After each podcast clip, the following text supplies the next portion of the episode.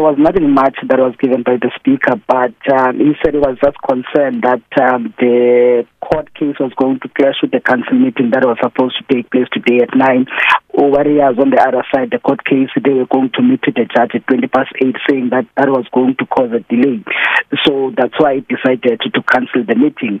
But what we also got on the side is that uh, although the speaker was also saying that they received the court papers later yesterday, so they couldn't actually respond to those papers, but apparently actually submitted um, opposing papers to the papers that were submitted by the executive mayor, um, which um, sort of put the speaker in a predicament position currently, because the court case is going to continue on Friday, but what is going to be discussed on Friday is not going to be um, the main um, uh, facts in that um, uh, application that was filed by the speaker, but it's going to be the cost, whether it's going to be the executive mayor, the municipality, or the mayor in his own personal capacity that is going to pay for the um, for the cost of that application, or it's going to be the speaker that is going to pay for the cost of the speaker in his own personal capacity.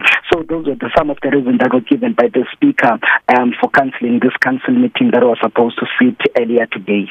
So it sounds like a right royal mess and confusion to top it all.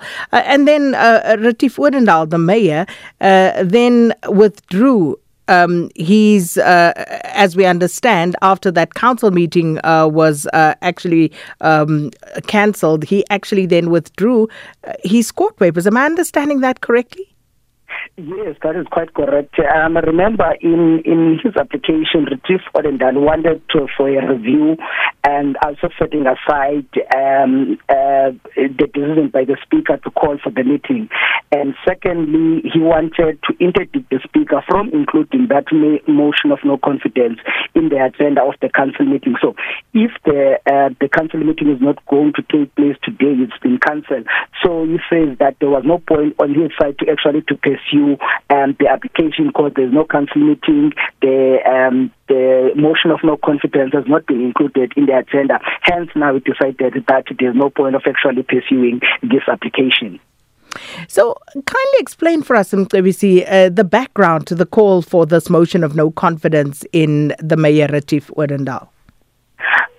Uh, as you know, Sakina, it's been such a merry-go-round here in uh, in Nelson Mandela Bay. We had um, a, a, a, a coalition led by the ANC earlier this month, and then came another um, DA-led coalition with, with the mayor, um, Retief But now the reason that has been given by Gary van Niekerk on his side why they actually want the mayor ousted, the executive mayor, including the deputy mayor, Mkhuseli Jack, and uh, Chief Whip Billy Harrington, is that uh, um, on the side of the uh, when they actually uh, started negotiations for this coalition government, the northern northern uh, areas of which Niekerk is coming from, they wanted that directory of infrastructure and also the position of speaker. They're saying that they did not get that position of uh, infrastructure and also the position of the speaker. The constituency services were stripped from that office, which actually left them with an action, so they couldn't actually provide services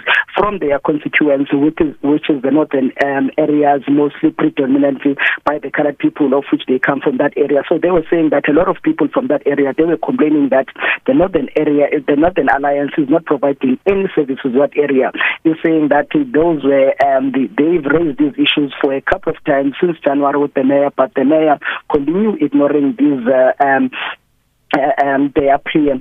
But the mayor, in his response on his side, was saying that, well, um, uh, the, um, the reason that um, the speaker wants to jump ship or the Northern Alliance is that on the side of the ANC, they offered the Northern Alliance the position of the mayor. Hence, now they wanted to jump ship from the uh, DA-led coalition to form another coalition with the ANC. Well, that's very interesting. Uh, but by way of numbers, uh, how does the alliance configuration stack up now, KBC? if you look on the side of with the, if you add the numbers of the um, Northern Alliance um, with the ANC and also the EFF, they do have the numbers compared to the DA-led coalition government. It will take them to 62. So that if you look even in that petition that the mayor was saying that technically uh, that that uh, motion of no confidence cannot be included in the agenda because it was not signed. But the people that are li- uh, listed in that petition for this special council meeting are 62 councillors, which actually will give the uh, the, the majority, the ANC. Um, EFF and also the Northern Alliance the numbers to actually to form a new coalition government. But the executive mayor was saying that um, they are continuing with talks with these parties that actually want to defect from their co- um, coalition government to the ANC parties such as the AIC, PAC and the Northern Alliance. They're saying that they will actually have a meeting um, this afternoon. But he was confident that uh, um, the um, the coalition government the led coalition government will remain intact. We'll leave it there. Thanks so much for the update. Our reporter in Gqeberha, Mcebisi Mncina. And that's the latest from the Nelson Mandela Bay Council.